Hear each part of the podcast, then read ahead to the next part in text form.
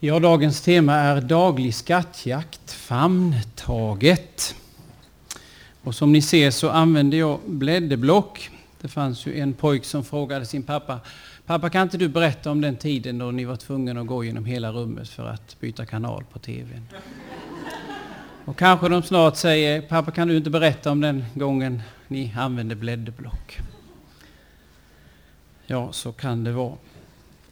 Nu handlar ju eh, det här läget mycket om skattjakt och jag tänkte bara innan vi går in på själva huvudtemat för idag, vi skulle slå upp Matteusevangeliets trettonde kapitel. Och nu hoppas jag att ni har biblar med er. För det är ju, det kan vara en hjälp och ibland kan det vara en hjälp att få sitta ner och bara ta emot utan att behöva slå upp. Men jag tror att de här bibelstudierna kan det vara bra att försöka följa med. Eh, Matteus 13 från vers 44, där står det så här. Himmelriket är som en skatt som ligger gömd i en åker. En man hittar den och gömmer den igen och i sin glädje går han och säljer allt han äger och köper åken. Med himmelriket är det också som när en köpman söker efter fina pärlor. Om han hittar en dyrbar pärla går han och säljer allt han äger och köper den. Och vi har kanske hört utläggningar om de här liknelserna som Jesus använder. Och ofta tror jag de utläggs så som att det är vi som liksom någon dag kan få upptäcka den här stora skatten som är Jesus Kristus, som är Guds rike. Och att vi får, himmelriket kostar inget och ändå allt. Att få lämna allt för att söka han som är den stora skatten. Men frågan är om inte en annan tolkning är mer näraliggande. Inte minst efter sammanhanget som kommer efteråt. Att Jesus är den mannen som är ute och söker pärlor och skatter. Och att vi är de pärlorna och skatterna. Vi har ju till exempel liknelsen om det förlorade fåret som, som har samma tema. Han lämnade de 99 i öknen för att söka det som har kommit bort. Och jag tror inte det finns någon motsättning mellan de här sakerna. Det kan synas som ett, eh, vad säger man? Tappar ordet. Men att de går emot varandra, men att det finns båda de här riktningarna i vårt sökande. Att vi kallar det att söka den stora skatten som är Guds rike. Att söka Jesus Kristus. Och samtidigt kan vi upptäcka, när vi upptäcker den, att han redan långt före oss har varit ute efter oss för att gripa oss och för att föra oss till sig. Och jag tror att det kan vara viktigt att ha de här två aspekterna med. Det kommer igen också lite i de andra bibelstudierna. Och därför kan det ligga något fint i detta att få gå in på daglig skattjakt. Som vi nu ska göra genom att till exempel gå in i Guds ord som är en av de här skatterna som vi kan få hitta i vår vardag. Och det jag kommer att tala om idag det är famntaget som ju också är någonting som vi kan få äga i vår vardag, eller få uppleva i vår vardag, och som bär så många skatter. Och jag skulle vilja berätta lite om en eh, bakgrund, om en famn som jag aldrig fick ta i min famn, men som jag hoppas en gång att få göra. Och det förknippas egentligen med Hjälmared. Eh, inför lägret 92 så ringde några och frågade mig om jag vill komma hit och tala. Jag vet inte vilken uppgift jag skulle ha. Men då var min fru gravid. Så jag sa nej, för det var ungefär den terminen då, då barnet skulle födas. Men sen när det närmade sig jul så blev det missfall. Det var ett barn vi längtade efter. Som jag hade längtat efter att ta min famn, men jag fick aldrig det. Sen nästa år vid ungefär samma tid så ringde de igen. Då var min fru gravid. ja, vi sa ja ändå. Och när lägret började samma dag så kunde jag inte komma. För då fick vi sticka till BB. Och jag skulle ha bibelstudierna för ungdomsledarna så det gick ju bra kanske inte komma första dagen där. Men sen kom jag med min äldste pojk och vi var under lägret och åkte in till Borås och hälsade på den nyfödde som jag fick ta i min famn, Johan. Som sen har varit med här på läger också. De här famntagen som vi har i vardagen och som vi kanske ser tillbaka på en del som vi kanske inte tänker så mycket på därför att vi tar ju av varandra varje morgon. Gör det i slentrian, men när vi stannar till inför det så kan de här famntagen visa sig betyda väldigt mycket. Och den dagen det famntaget inte finns där så kanske vi upptäcker ännu mer vad det här famntaget betydde.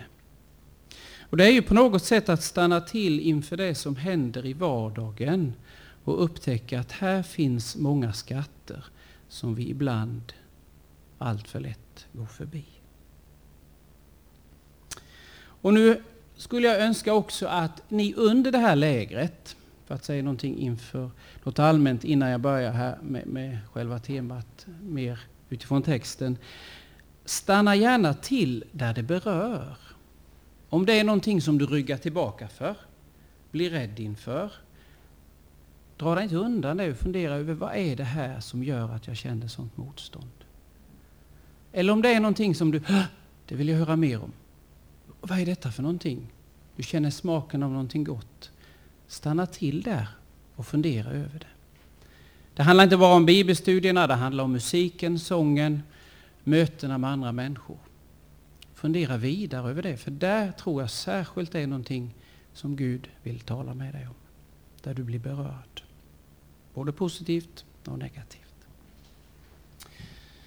Och då ska vi gå in på vår text. Lukas andra kapitel, vers 22 till 40. Och jag läser ifrån de verserna. När tiden var inne för deras rening enligt Moses lag tog de Jesus till Jerusalem för att bära fram honom inför Herren. Det står nämligen i Herrens lag att varje förstfödd av mankön skall helgas åt Herren och för att offra två turturduvor eller två unga duvor så som det är föreskrivet i Herrens lag. I Jerusalem fanns en man vid namn Simeon som var rättfärdig och from och som väntade på Israels tröst. Helig ande var över honom och den helige ande hade uppenbarat för honom att han inte skulle se döden förrän han hade sett Herrens Messias. Ledd av anden gick han till templet och när föräldrarna kom in med barnet Jesus för att göra med honom som det sed enligt lagen tog han honom i famnen och prisade Gud och sa Herre, nu låter du din tjänare gå hem i frid som du har lovat. Ty mina ögon har skådat frälsningen som du har berett åt alla folk. Ett ljus med uppenbarelse åt hedningarna och härlighet åt ditt folk Israel.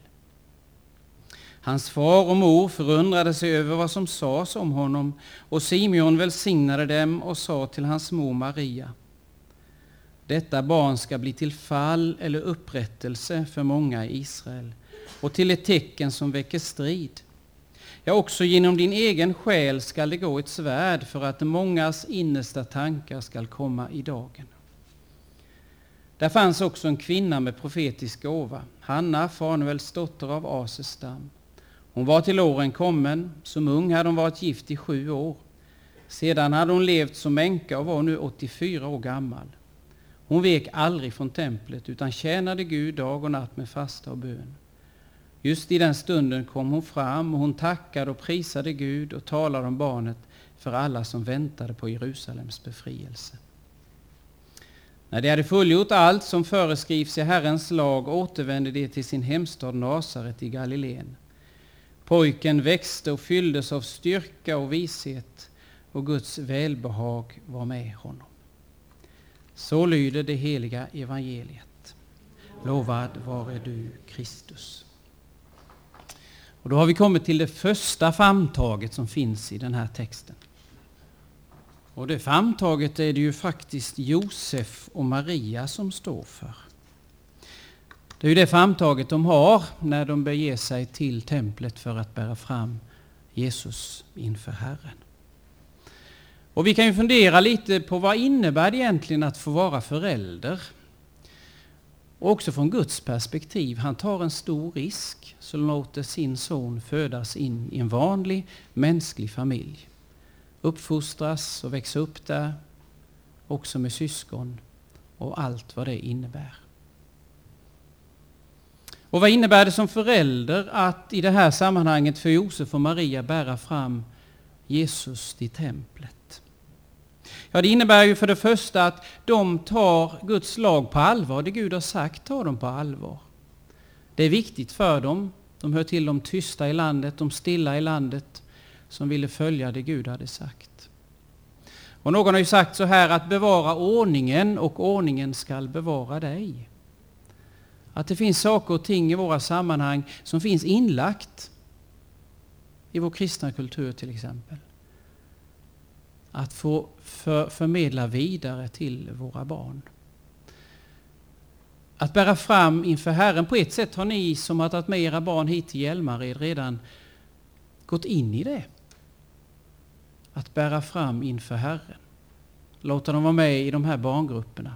Låta dem vara med på aftonbönen. Att få del av det sammanhang som finns här.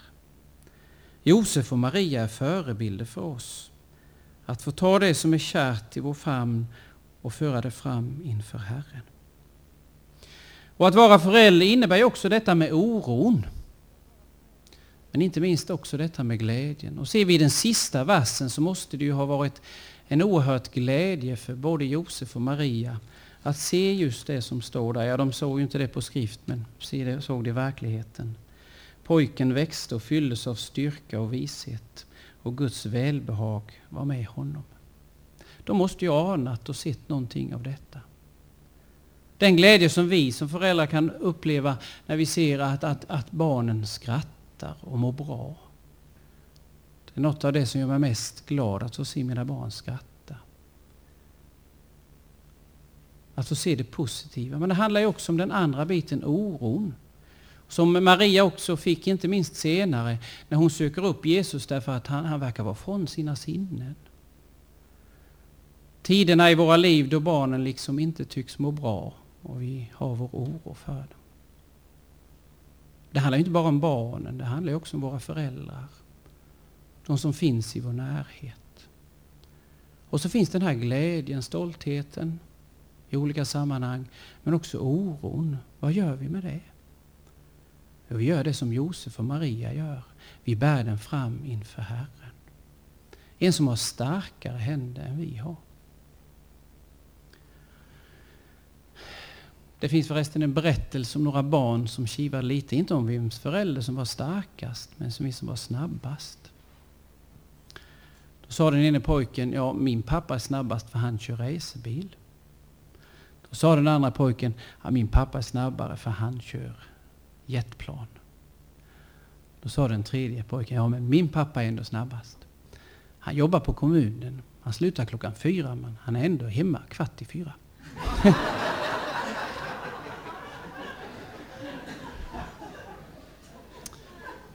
Barnen kivar ibland om vem som är snabbast och starkast. Men så kommer de här tillfällena i livet och vi märker att, att liksom det vi har i våra händer, vår kraft, som Josef och Maria nu använder för att bära Jesus fram i templet. Det kommer ju tider då vi märker att, att den kraft vi skulle vilja ha, den saknar vi.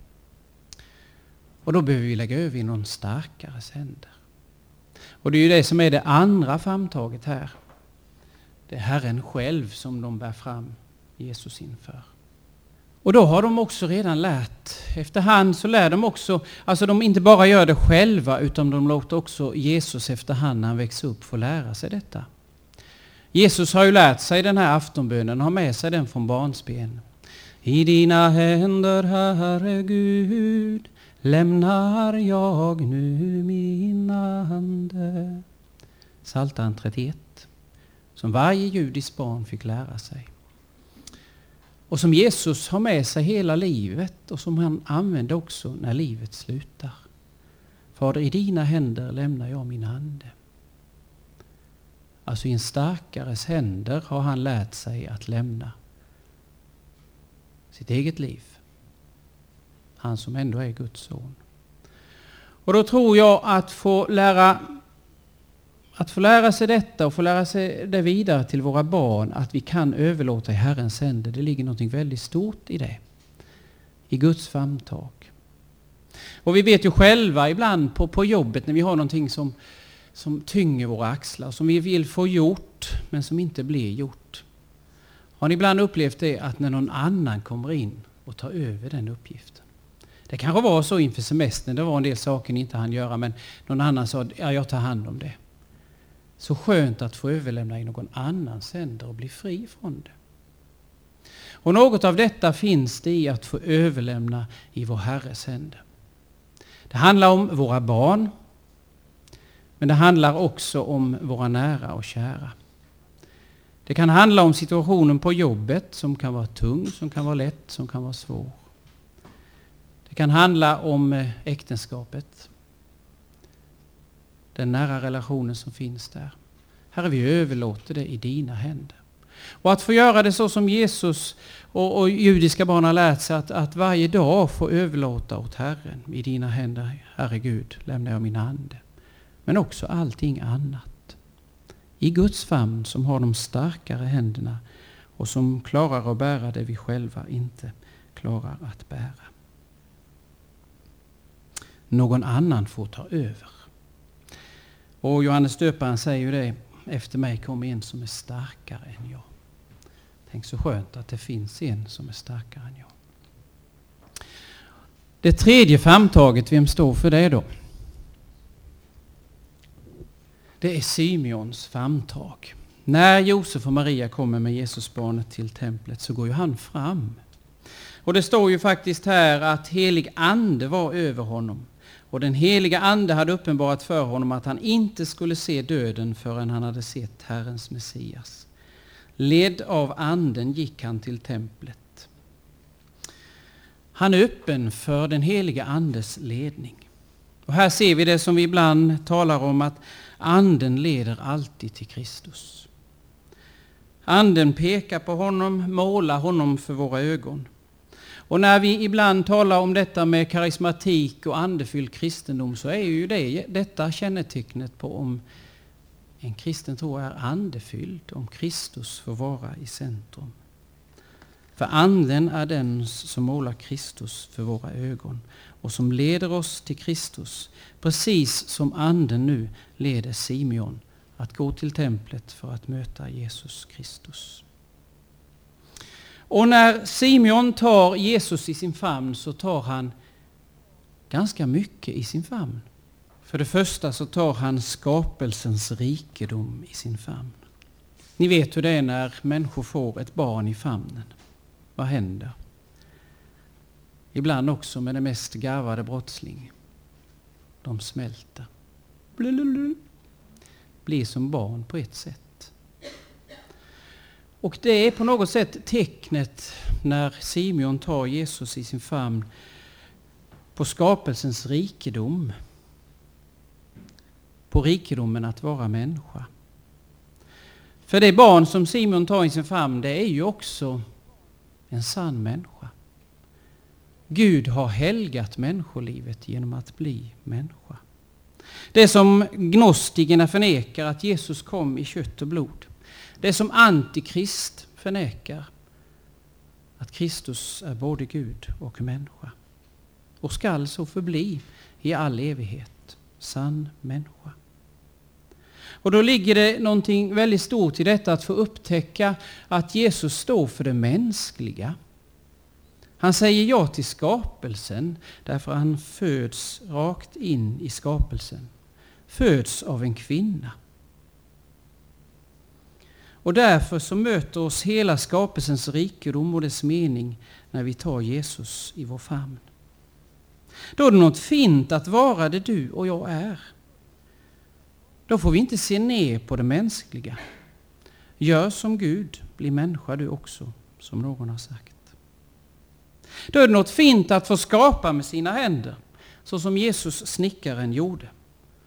Och på den tiden var ju snickare också stenarbetare, så han var troligtvis stark och muskulös. Det är fint att få använda sin kropp. Att få glädja sig åt att sova, det är rätt skönt ibland. Är det något mindervärdigt i det? Nej. Jesus sov. Då får också vi göra det. Också på dagen ibland tror jag, i båten. Det är inget fel i det. Våra gåvor och anlag har han gett för att vi ska få använda dem.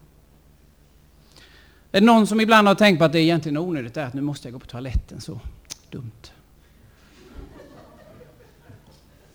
Men om nu Gud har skapat oss till det, skulle det vara något mindre viktigt? Det vet vi i alla fall att vi är skapade till. när vi stannar till så finns det mycket av det mänskliga, det vardagliga som vi kan tycka är onödigt, men som är mänskligt och gudagivet som vi inte behöver se ner på eller ha dåligt samvete för. Att det inte behöver vara finare att leda lovsången än att stå i köket och diska. Att vara förebedjare än att städa upp. Då är det också något fint att få äta en god måltid så som vi gör här på Hjälmared. Och för mig har det varit så att, att just genom skapelsens rikedom så har Gud talat många gånger starkare än genom mycket annat. Jag vet till exempel detta med retriter som har betytt så oerhört mycket för mig. Och en av de första retriter jag kom på så, så jag var ganska trött. Jag fick sova ut. Jag fick gå till dukat bord och äta jättegott. Jag hade nästan dåligt samvete. Församlingen betalade det. Jag fick gå långa promenader i fint väder. Lyssna till god musik när vi åt. Fira mässa varje dag. Tidebönerna. Andra tog hand om så att inte tidningar eller telefoner nådde oss. Och det pekade vidare mot att det finns en Gud som vill mig väl. Och det tror jag också är hemligheten med alfa-konceptet. Hemma i vår församling har vi två äldre damer som gör, damer som gör väldigt god mat. Människor kommer dit stressade från jobb och annat så. Och så har de dukat fint. Lagt upp väldigt fint på borden och gjort god mat. Och människor öppnar sig och börjar prata. Trots att vår förkunnelse inte är något speciell. Vad är hemligheten? Jo, Gud når oss. Vägen till mannens hjärta går genom magen, säger vi ibland. Det kanske ligger en viss sanning i detta. Gud vill mig väl. Han är intresserad av det mänskliga och den jag är, min vardag. Det är någonting viktigt.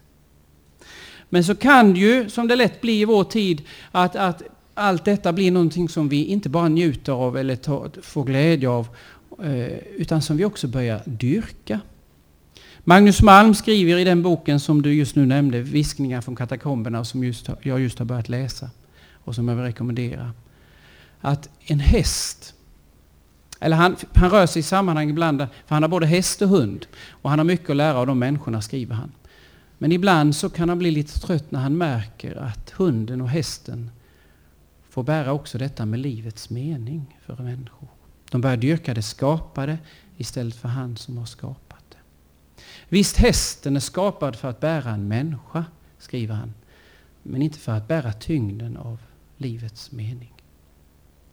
Och Det ligger mycket i det. Att det skapade, skapelsens rikedom, detta att få vara människa som är så stort, det skulle få oss att se vidare att det finns en Gud som har gett oss detta och som vi genom detta söker. Och så tror jag det kan få vara. För många gånger tackar jag Gud mer för innebandyn än för på postludiet på orgeln eller vad det kan vara. Inget ont sagt om det, men vi är olika. Gud förbereder olika för oss. Och det finns en som heter Gerard Hughes som har sagt så här att Gud kommer nog att fråga på domens dag en gång. Did you enjoy my creation? Att komma Jesus nära är att upptäcka det sant mänskliga, att upptäcka skapelsens rikedom. Det är det första. Men det är också att upptäcka smärtan och lidandet. Detta med förgängelsen till exempel. Här står den gamle Simeon med den lilla bebisen Jesus. En enorm åldersskillnad. Och tankarna måste kanske komma hos honom. Ja, här kommer en ny generation men jag dör snart. Han vet det. Han tycks ha fått det beskedet. Men det handlar också om att gå vidare mot korset, att komma Jesus nära.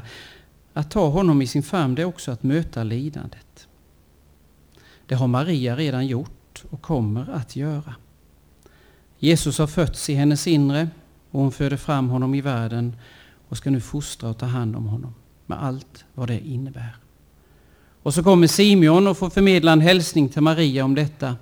Ja, också genom din egen själ skall det gå ett svärd för att mångas innersta tankar ska komma i dagen. Han ska bli till ett tecken som, blir, som väcker strid. Detta barn ska bli till fall, eller upprättelse står det i översättningen, men egentligen står det i grundtexten till fall och uppståndelse.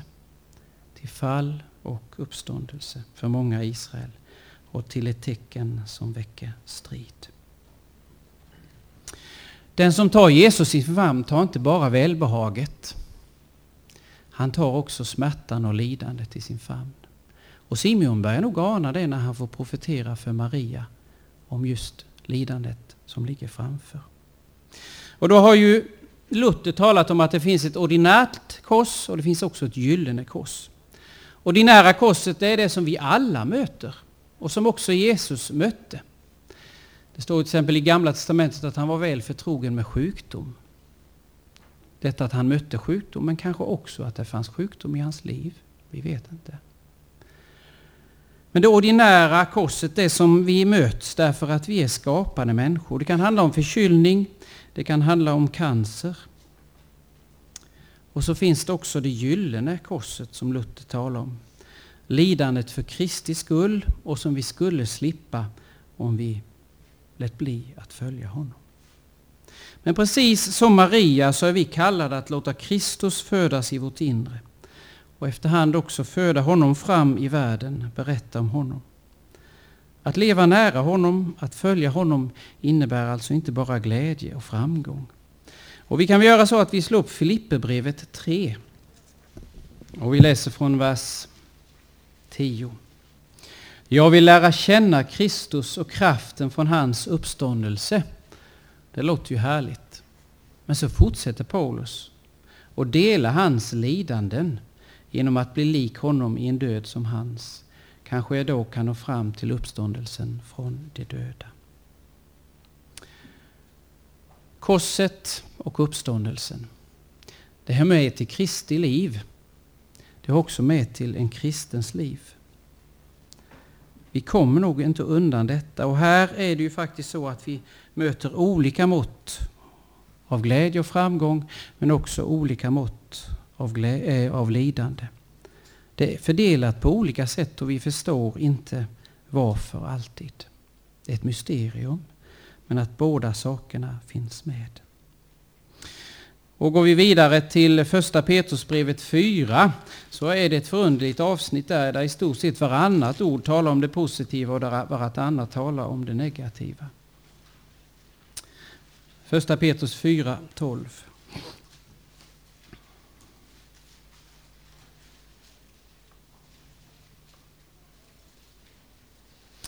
Mina kära, bli inte överraskade av det eldprov som ni måste gå igenom som om det vore något oväntat som hände er. Gläd er istället över att ni delar lidandena med Kristus. Ty då får ni jubla av glädje också när hans härlighet uppenbaras. Saliga är ni om ni skymfas för Kristi namns skull, ty härlighetens ande, Guds ande, vilar över er. Inte så lätt eller roligt att prata om, men det finns med här som en del av att följa Kristus. Och som Jesus säger i bergspredikan om han som bygger på berggrund och den som bygger på sand. Stormarna kommer på olika sätt för oss var och en. Men så finns det också en hemlighet i detta med smärtan och lidandet. Att Jesus säger att nu har stunden kommit då Människosonen skall förhärligas. Att hur förundligt än låter så kan vi i detta ändå på något sätt få ana Kristi härlighet. Att han lider för oss. Och vi kanske kan ana något av det när vi tänker lite på det som Josef och Maria innebär när de bär fram ett barn och som vi också kan innebära. Där finns glädjen och stoltheten men också lidandet, oron, smärtan för att hjälpa det här barnet. En liten bild av den smärtan Kristus har lidit för att ge oss del av sitt liv.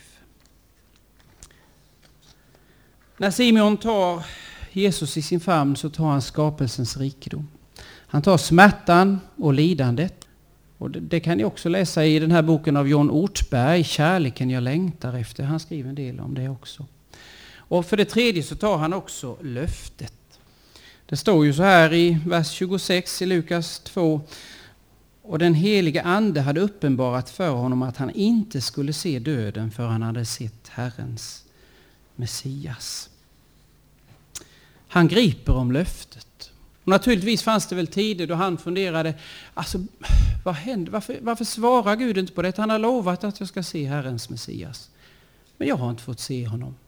Vad händer egentligen? Men så kommer dagen då det blir uppenbart. Men naturligtvis fanns det tider av tvivel och av ovisshet, det får vi tro.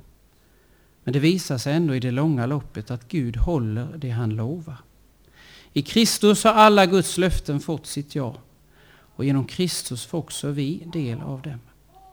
Så när vi också griper om Kristus så får vi del av löftena.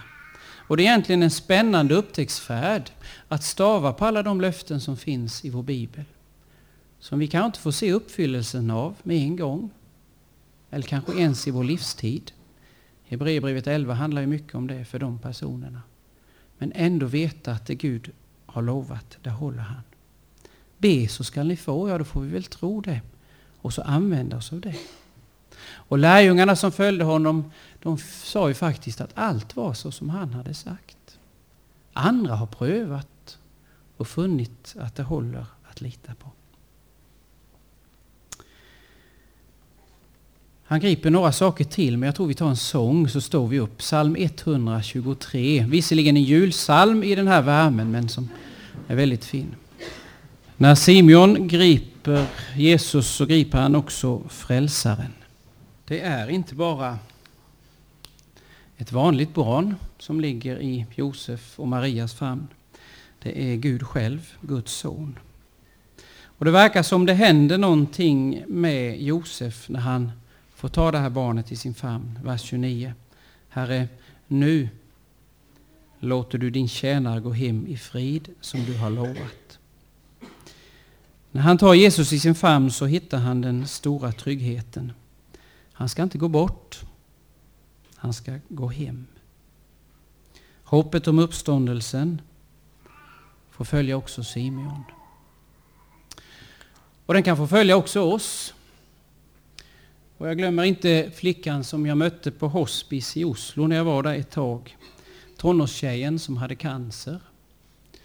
Och när jag pratade med henne så det, det hon egentligen längtade mycket efter det var att få gå ut med sina kompisar och köpa någon CD, få köpa sina kläder. Hon hade inte de stora önskningarna. Och hade väl egentligen ingen kristen bakgrund vad jag förstod. Men hon hade av sin morfar eller farfar fått ett litet smycke ett krucifix. Och det grep honom. Och jag anade att det förmedlade hopp till henne. Att gripa om Kristus, det är att hitta den stora tryggheten. Det är att hitta hem och då handlar, handlar det inte bara tror jag om, om evigheten en gång utan det handlar också om att hitta hem på livets olika områden. Att Jesus hjälper oss att hitta hem. Vi kan slå upp Markus 5, vers 15. Och det handlar ju om en person som eh, har varit besatt men som Jesus har hjälpt. Och I vers 15 står det så här. Det kom till Jesus och såg den besatte, han som hade haft legionen i sig, sitta. Eh, han, eh, besatte han som hade haft legionen i sig, sitta där klädd och vid sina sinnen och de blev förskräckta. Han var vid sina sinnen. Alltså en människa som kommer nära Kristus blir inte mer andlig utan mer mänsklig i rätt bemärkelse. Hitta hem på livets olika äh, områden. Och bara för att nämna några exempel. Vi har ju det här med exemplet med åldern. Det som vi är så fixerade av i vår värld idag. Och i början av Lukas kapitlet så är det väl så att, att två av de här viktiga barnen hade kanske inte varit födda om de skulle fötts i vår tid. Jesus som föddes av en tonårsflicka. Ska man föda ett barn så tidigt? Eller som för, eh, Johannes som föddes av Elisabet, den gamla kvinnan, skulle hon egentligen ha fött. Men de föds. Åldern spelar ingen roll i Guds rike. Så möter vi Jesusbarnet och vi möter Johannes i Elisabets mage som spritter till när Jesus kommer inom Maria på, på besök. Också fostret är viktigt för Gud. Bebisen här som Simeon tar i sin famn. Symeon som är gammal och Hanna som verkar vara ännu äldre och som nämns i slutet av våra verser. Och Daniel som sitter i lejongropen, hur gammal är han då? Och Bengt Pleijel menar i sin bok att han troligtvis är över 80 år. Och så har vi Josef och Maria som är lite mitt emellan. För Gud är ingen för ung eller för gammal. Han har bruk av var och en. Det handlar också om att hitta hem här, att inte behöva vara rädd för förgängelsen. För Kristus föddes också in i den här världen och har smakat det. Eller detta med kroppen. Jag skulle egentligen läsa en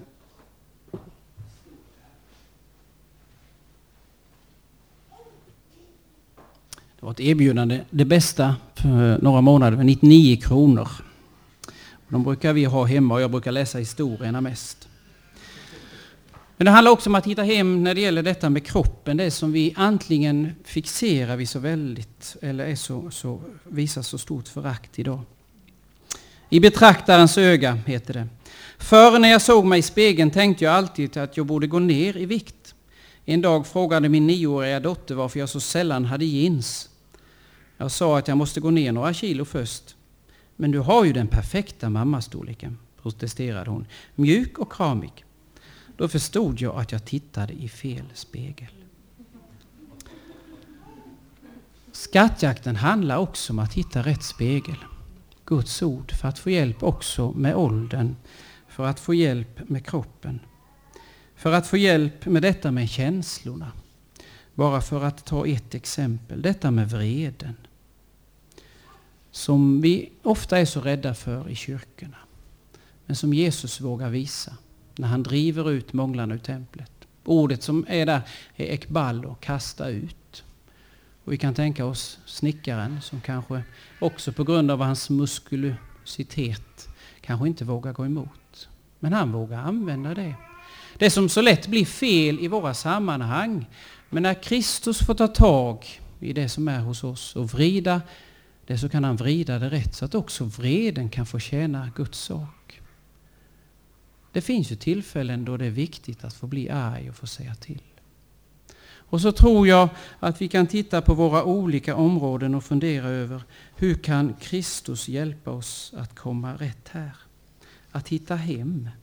Vilket område handlar det mest om för min del eller i vårt hem? Och då ligger det stora i att vi får ha den här riktpunkten som Simeon hade. Att söka honom, Jesusbarnet. Att omfamna honom. Det handlar om att komma Jesus nära. Och det finns ett bibelord som har följt mig sedan, ja det var nog sedan 93.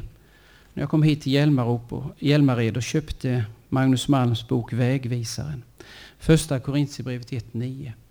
Gud är trofast. Han som har kallat er till gemenskap med sin son Jesus Kristus, vår Herre. Det är vår första kallelse, att komma honom nära, precis som Simon gör nu. Att ta honom i vår famn. Att gripa honom. Och då står det ju också lite senare i Filipperbrevet där vi just eh, var, Filipperbrevet 3. Eh, och jag kan läsa det. Från vers 12. Där Paulus skriver Tro inte att jag redan har nått detta eller redan har blivit fullkomlig. Men jag gör, jag gör allt för att gripa det när nu Kristus Jesus har fått mig i sitt grepp. Bröder, jag menar inte att jag har det i min hand. Tre gånger används samma ord i grundtexten. Att gripa, att bliva gripen och att gripa det i min hand. Det är vårt fokus. Att be Gud leda oss till Jesus Kristus för att få ta honom i vår famn. Och då ska jag bara också säga det sista som, som också finns med här i texten.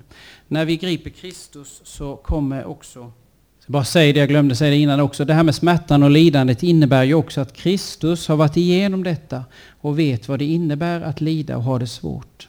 Därför så finns det i detta att gripa frälsaren, att söka honom, också en hjälp i, i de svåra stunderna. Jag vill också bara ha sagt det. Men det sista då, när vi griper Kristus så griper vi också tacksägelsen och förundran.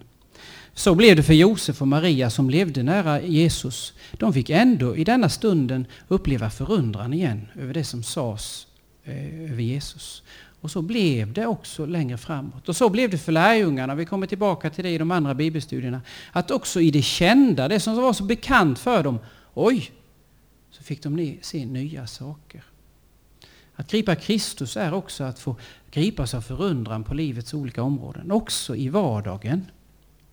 Och det handlar också om att få tacksägelsen i sin mun, så som Hanna också får, får, får eh, göra här i slutet av vår text. När hon möter Kristus så bryter tacksägelsen, prisandet av Gud fram. Och det tror jag också att så är det för den som får ögon på vem Kristus är och tar honom i sin famn. Amen. Låt oss be.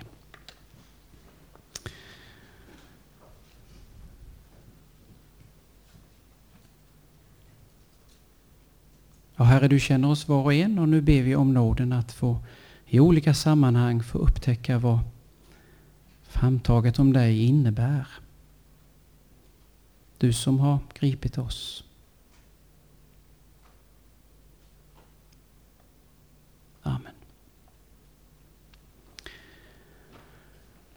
Ska vi sjunga en sång som heter Herre, du min klippa, min eviga ro.